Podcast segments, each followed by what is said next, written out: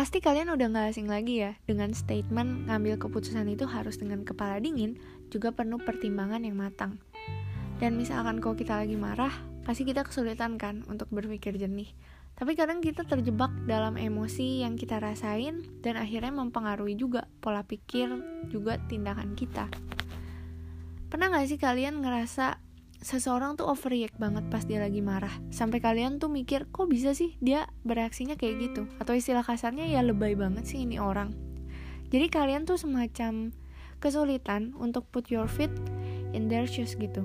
Nah fenomena ini tuh disebut sebagai hot and cold empathy gap. Hot and cold empathy gap sendiri dalam bahasa Indonesia disebut sebagai kesenjangan empati yang mempunyai arti suatu cognitive bias yang ngebuat kita tuh cenderung ngeremehin gimana preferensi kita dapat berubah tergantung keadaan emosional kita saat itu.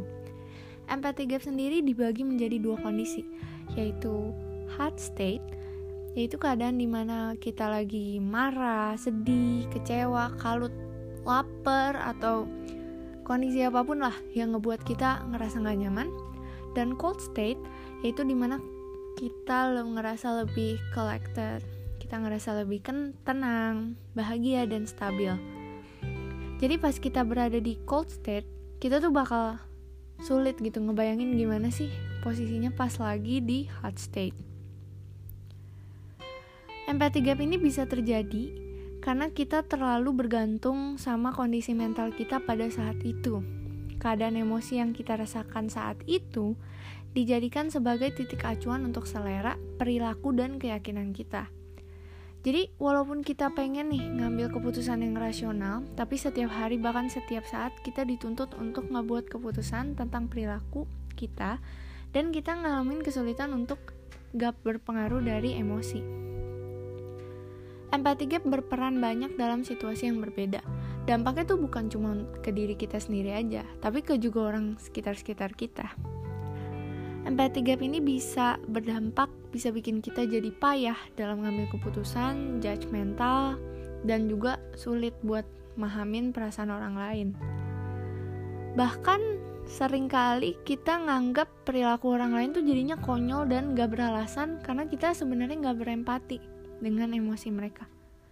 Contohnya gini nih, kalau misalkan teman kamu curhat, daripada nanyain apa yang dia rasain, berempati apa yang yang dia alamin.